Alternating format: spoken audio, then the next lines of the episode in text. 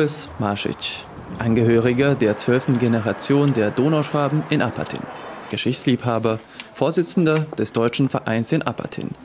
Seit mehr als 30 Jahren setzt er sich aktiv für die deutsche Minderheit in Serbien ein. Dieses unermüdliche Engagement wurde nun auch vom Bundespräsidenten Frank-Walter Steinmeier erkannt und er verlieh Marschig die höchste Auszeichnung Deutschlands, das Bundesverdienstkreuz am Bande. Dieses wird seit 1951 für Dienste um das Allgemeinwohl an Personen verliehen, die sich durch ihr politisches, soziales und gesellschaftliches Engagement in und außerhalb der Bundesrepublik hervorgetan haben. In Anwesenheit seiner Familie und mehrerer Vertreter der deutschen Gemeinde unseres Landes wurde Herr Marschitsch am 1. März 2023 von der deutschen Botschafterin in Serbien, Ihrer Exzellenz Anke Konrad, in ihrer Belgrader Residenz empfangen.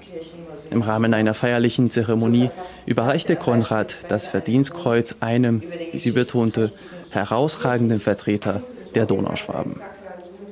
Also erstmal glaube ich, dass heute ein ganz wichtiger Moment ist, äh, weil wir einen Menschen ehren konnten, der für die deutsch-serbischen Beziehungen sehr viel getan hat, aber eben auch dafür, für, für, für die donauschwäbische Kultur, für die Menschen, die ja hier seit 250 Jahren leben.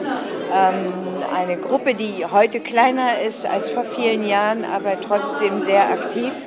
Und dass Samasic sein Engagement, die Geschichte, die Kultur, die Tradition der Donauschwaben festzuhalten, zusammenzuführen. Und Geschichte der Donauschwaben, die eben auch mit die Geschichte der Vojvodina ist, ähm, auch gerade ähm, diese Verbindung, dieses Zusammenleben vieler verschiedener Volksgruppen äh, miteinander zu dokumentieren, dazu legen in Chroniken und äh, letzten Endes auch den anderen Donauschwaben, den anderen Mitgliedern der deutschen Minderheit in Serbien sozusagen auch nochmal die Möglichkeit zu geben, in voller Breite ihr eigenes kulturelles, kulturelles Erbe zu erleben. Das äh, ist sehr toll.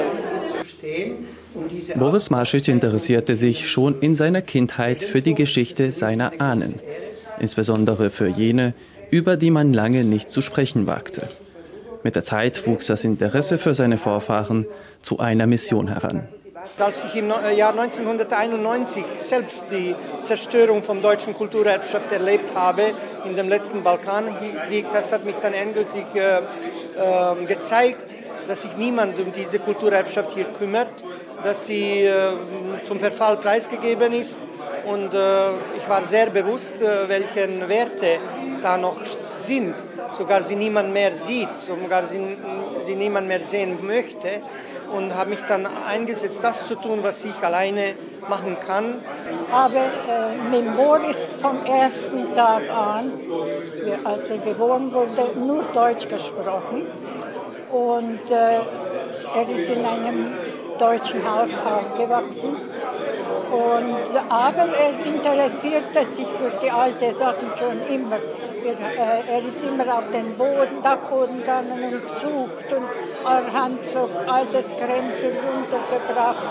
Und das ging so weit, äh, als er klein war, dann war im, Herbst, wie sie, äh, die, die Bauern abgeackert haben, dann ist er auf die Felder gegangen und gesucht. Neben der Gründung des deutschen Vereins Adam Behrens in Apatin ist mit dem Namen von Boris Marschitsch auch die Errichtung des Donauschwäbischen Kirchenmuseums der Stadt zu verbinden. Er hat verlangt von mir, ob er darf so also anfangen, dass wir einen Donauschwäbischen Museum machen. Sage ich, Boris, du bekommst von mir den Segen. Und das hat er ganz ernst genommen.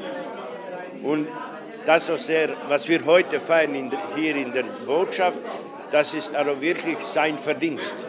Ich sage wieder, ich gebe ihm noch einmal den Segen, er soll das weitermachen. Mit Boris ähm, sind viele Projekte erst möglich geworden durch sein Engagement und sein unermüdliches Eintreten für viele Dinge. Wenn wir dort mit Rat, Tat und ähm, Mitteln helfen können, tun wir das gerne. Ähm, Ich befürchte allerdings fast, dass wir ihn nun, nachdem er heute einen solchen Rückenwind bekommen hat, nun etwas bremsen müssen, damit unsere Möglichkeiten überhaupt noch ähm, ermöglichen, diese Motivation, die er heute zweifelsfrei erfahren hat, umzusetzen. Und auch die Redaktion der Deutschen Minuten wünscht Herrn Marschig viel Erfolg und Kraft für die Umsetzung seiner zukünftigen Pläne und gratuliert ihm von ganzem Herzen für die verdiente Anerkennung. Das ist nicht nur Auszeichnung für mich, weil ich alleine konnte wirklich nicht viel tun von allen und vielen guten Leuten, die in den letzten 20 Jahren uns geholfen haben, das zu äh, schaffen, was wir getan haben in den letzten ähm, äh, jetzt schon Jahrzehnten. Äh, ich bin, ich, äh, diese Auszeichnung ist auch in einem guten Moment gekommen, weil wir schon ein bisschen unseren Mut und die Kraft verloren, verloren, verloren haben und ich hoffe, dass wir jetzt eine neue Kraft schöpfen und dass wir in der Zukunft äh, noch weiter schöne und gute Dinge machen, nicht nur für die deutsche Kulturerbschaft, sondern für die ganze Kulturerbschaft von der Vojvodina. Gledate paletu. Izbor iz emisija na jezicima nacionalnih zajednica.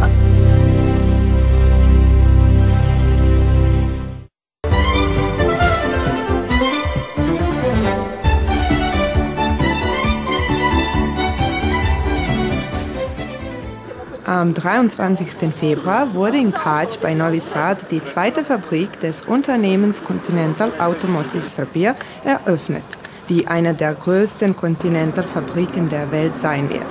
Die Produktion in dieser Megafabrik ist bereits angelaufen und laut des Plans werden hier Displays für Autos sowie intelligente Steuerungssysteme produziert, die dann weiter exportiert und an Hersteller von Premium-Automobilen auf der ganzen Welt geliefert werden. Bei der Eröffnung war auch der serbische Präsident Alexander Vucic anwesend, der betonte, dass es sich um eine sehr wichtige Fabrik für die serbische Wirtschaft handelt, Daher wird in Novi Sad Geschichte geschrieben, denn die Megafabrik Continental wird das Zentrum der Transformation der Automobilindustrie sein. Heute ist eine offizielle Öffnung von unserer Mega, Megafabrika, so wie das hier in, äh, in Serbisch heißt. Ähm, das ist äh, ein Land, was wir momentan besitzen von 370.000 Quadratmeter. Der erste Schritt, Öffnung heute, das ist ein Werk von äh, 30.000 Quadratmeter.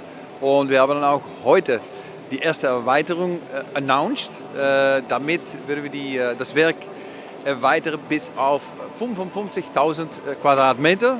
Was würden Sie sagen, wie werde diese Eröffnung zur Entwicklung der Autorüstung in Serbien beitragen?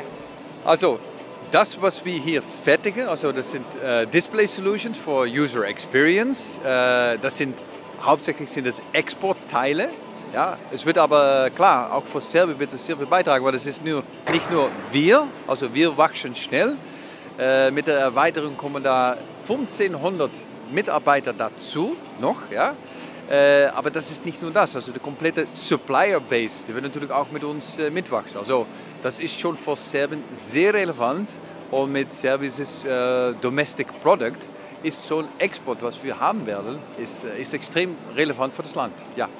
Wie würden Sie Ihre Erfahrung in Serbien beschreiben, sowohl so in Arbeitssphäre, aber auch Lebenssphäre? Also äh, morgen wird es ein Jahr, dass ich hier bin. Äh, klar, so ein Projekt, da, da, braucht man natürlich etwas Zeit für. Also, äh, privat kenne ich das Land noch nicht so gut. Alles, was ich gesehen habe, äh, ja, passt. Also die Leute sind sehr freundlich, die Leute sind sehr motiviert. Äh, Talent gibt es hier äh, noch viel zu lernen. Klar, hä, viele Technologien muss man sich hier noch anlernen. Aber die, Motiva die Motivation die ist so gut, dass es auch wirklich Spaß macht, mit, ihnen, äh, mit denen zu arbeiten. Ich leite die Kommunikation ähm, des Bereichs User Experience. User Experience, das sind alle Produkte, die sich im Auto, im Innenbereich befinden. Ähm, hier in der Fabrik werden zukünftig vor allem Displays produziert und Continental ist äh, der größte Lieferant weltweit für Displays im Automobil. Ich würde sagen, die Fabrik hat eine sehr große Bedeutung für beide Länder, ganz besonders natürlich für Serbien, für die Entwicklung von Serbien äh, als Wirtschaftsstandort, auch für ähm, sehr, sehr ähm, ja, innovative neue Technologien. Ähm, für Deutschland hat es natürlich auch eine große Bedeutung, weil ähm, dort die Automobilindustrie auch durch die Produkte ausgerüstet wird, die hier dann produziert werden. Ihre Exzellenz, Frau Konrad, Sie sind schon oft bei uns bei Deutschen Minuten, aber hier sind wir zu einem besonderen Anlass gekommen. Es handelt sich um die Eröffnung der neuen Megafabrik von Continental. Welche Bedeutung hat diese Fabrik für Deutschland und welche für Serbien?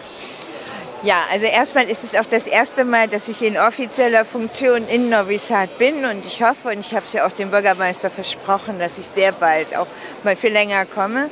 Ja, Continental, die Fabrik, die zweite Fabrik von Continental, die heute eröffnet wurde, das ist schon etwas Besonderes, eine Megafabrik die hier wirklich über die Entwicklung von Software, von Produktionslinien bis hin zur Fertigung von Displays und anderen Sachen alles, alles macht. Also eine echte Mega-Factory, davon gibt es weltweit sechs oder sieben.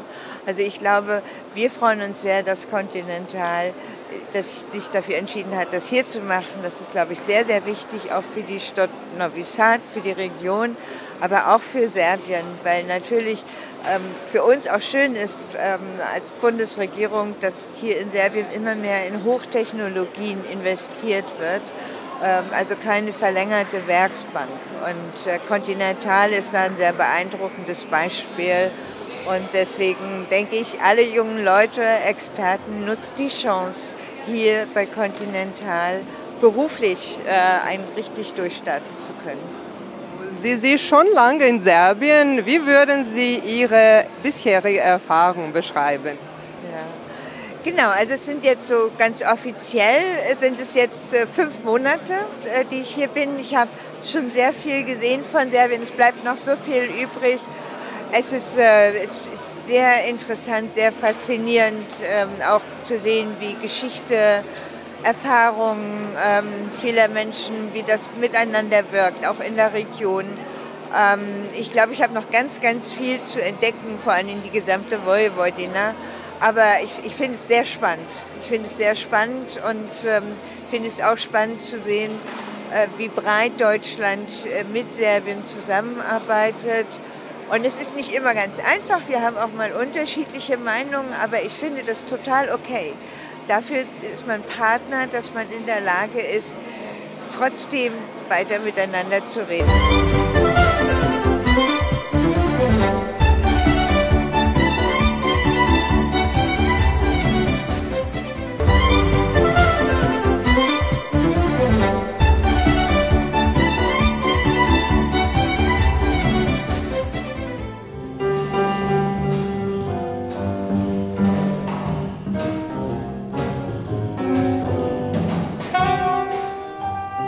Klänge von Ulm und Novi Sad bilden wiederum eine wunderbare Einheit.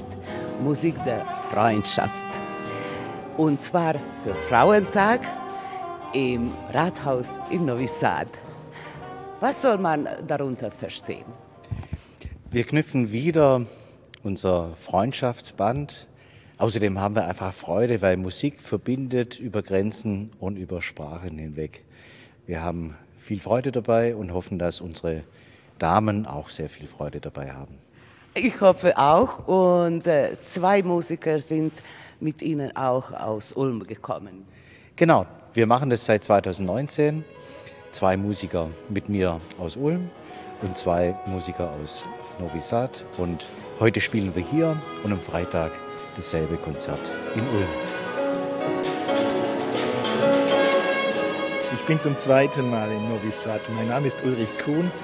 Ich komme aus Ulm an der Donau und bin auch hier an der Donau, aber in Novi Sad. Und das freut mich ganz arg, dass ich hier sein kann und Musik machen mit den Ulmern und den, der Nevena und dem Alexander aus Novi Sad. Ich spiele Saxophon und freue mich, dass ich heute spielen kann. Ja. Und was erwarten Sie von heutigem Konzert? Dass es den Leuten gefällt, natürlich, hoffe ich sehr. Ne? ja, ich denke, es macht Spaß. Uns macht Spaß. Sieht mal so aus beim Proben. Und äh, Ihnen gefällt es auch ganz gut in Novi Sad? Ja, schön, ja. Etwas zu viel essen. Wir sind zu satt. Aber gut.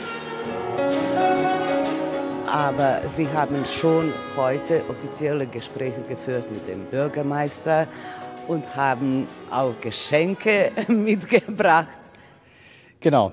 Äh, zunächst mal habe ich dem neuen Kollegen herzlich gratuliert und wir haben uns äh, auch über ähm, Albert Einstein und Mileva ausgetauscht, weil wir in Ulm ein Museum im nächsten Jahr eröffnen. Und wir haben natürlich das Feuerwehrfahrzeug besichtigt bei der Feuerwehr und haben uns sehr gefreut, dass das Feuerwehrfahrzeug aus Ulm, Magirus, eine Ulm, ein Ulmer Produkt, hier gute Dienste für die Bürgerschaft und die, für die Freiwillige Feuerwehr leistet. Natürlich haben wir einen Freund, Isvan Pastor, im Parlament besucht. Wir haben viel diskutiert, es gibt viel zu reden und haben natürlich vereinbart, dass wir beim Donau-Save-Projekt, aber bei vielen anderen Aktivitäten seit über 20 Jahren wieder gemeinsam arbeiten. Nachdem die Pandemie wieder vorbei ist, hoffentlich, und wir wieder uns treffen können, planen wir eine Konferenz zu dieser Drei-Länder-Kooperation Donau-Save, Kroatien, Bosnien und wir und versuchen dort gemeinsam die Dinge voranzubringen. Ich bin sehr stolz, dass wir wieder spielen können und hoffe, dass die Atmosphäre noch besser wird, als es vor vier Jahren war, damals. Äh, bedeutet auch sehr viel, dass äh, unsere Freunde äh, zufrieden sind mit, mit äh, Essen, erstens, also das, was ich organisiert habe.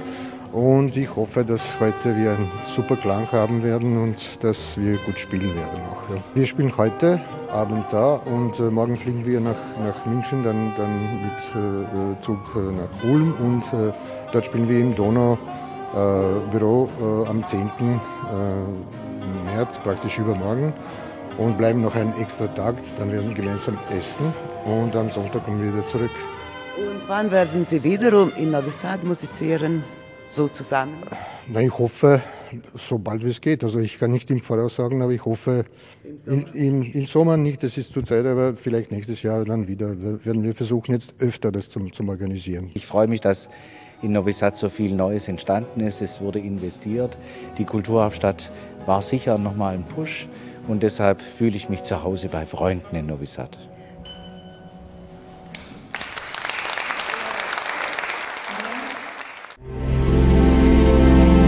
Gledate paletu.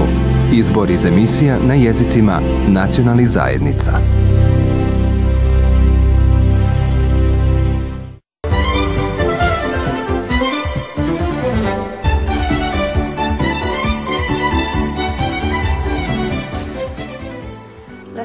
Ist ein wichtiger Teil jeder Kultur. Deswegen haben wir für heute ein deutsches Rezept Unsere Gastgeberin heißt Wenke Tannenberg-Turkovic. Sie ist die DR-Delektorin aus Deutschland und sie arbeitet an der Philosophischen Fakultät. Und also Wenke, kochst du so oft oder nicht so oft? Hm, seit ich Kinder habe, glaube ich, koche ich ein bisschen weniger. Vorher habe ich häufiger gekocht und auch lieber. Bevor sie nach Serbien kam, wohnte sie auch in Montenegro und dort lernte sie die balkanische Küche kennen, aber auch ihren Mann. Und was wirst du uns heute vorbereiten? Heute mache ich Hamburger Pannfisch für euch. Und äh, Hamburger Pannfisch deswegen, weil ich vorher in Hamburg gelebt habe, lange Zeit und ich aber ohnehin ein Nordlicht bin und viel Fisch esse. Und da dachte ich mir, das ist eine schöne Idee. Ja, und also was brauchen wir für dieses Rezept? Aha, also es ist so wie alle meine Essen sehr schnell. ähm, und wir brauchen auf jeden Fall dafür natürlich Fisch ähm, und am besten tatsächlich Fischfilet. Und dann ist es aber auch egal. Ich habe jetzt Rotbarsch, aber es geht auch ähm, Pangasius oder Seelachs. Ähm, dann brauchen wir für die Soße brauchen wir Speck und wir brauchen Frühlingszwiebeln und Senf und Schlagsahne. Mhm. Ähm, und um den Fisch zu panieren, brauchen wir noch die Eier und das Mehl. Ähm, ein bisschen Zucker und ein bisschen Petersilie kommt noch in die Soße hinein.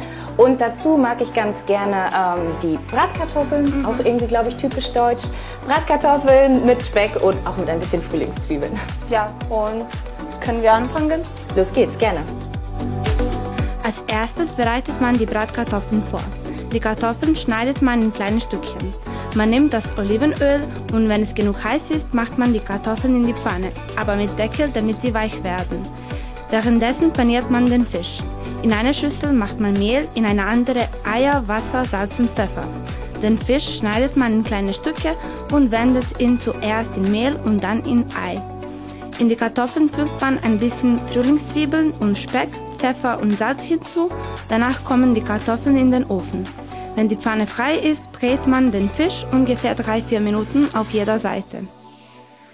So, jetzt können wir die Soße machen für den Pannenfisch. Und dafür nehmen wir als erstes die Frühlingszwiebeln, machen sie in die Pfanne.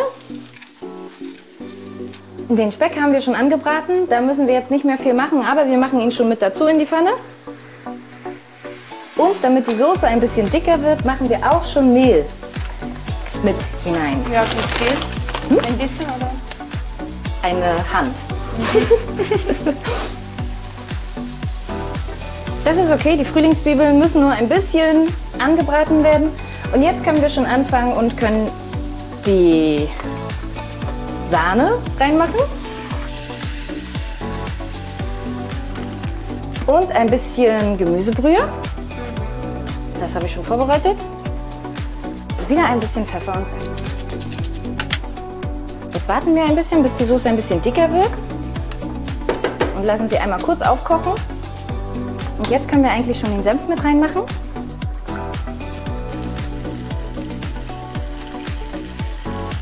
Das ist ein bisschen sehr blubberig. So, wenn es alles gut verrührt ist, dann machen wir noch ein ganz kleines bisschen Zucker mit in die Soße. Und dann können wir jetzt eigentlich schon den Fisch wieder mit in die Soße machen. Dann kann er wieder ein bisschen warm werden. Am Ende macht man ein bisschen Petersilie sowohl auf den Fisch als auch auf die Bratkartoffeln. Und jetzt sind wir eigentlich auch schon fertig und können probieren. Ja, das sieht sehr gut aus und riecht aus sehr gut. Hoffentlich schmeckt es auch. Ja, ja ich glaube schon.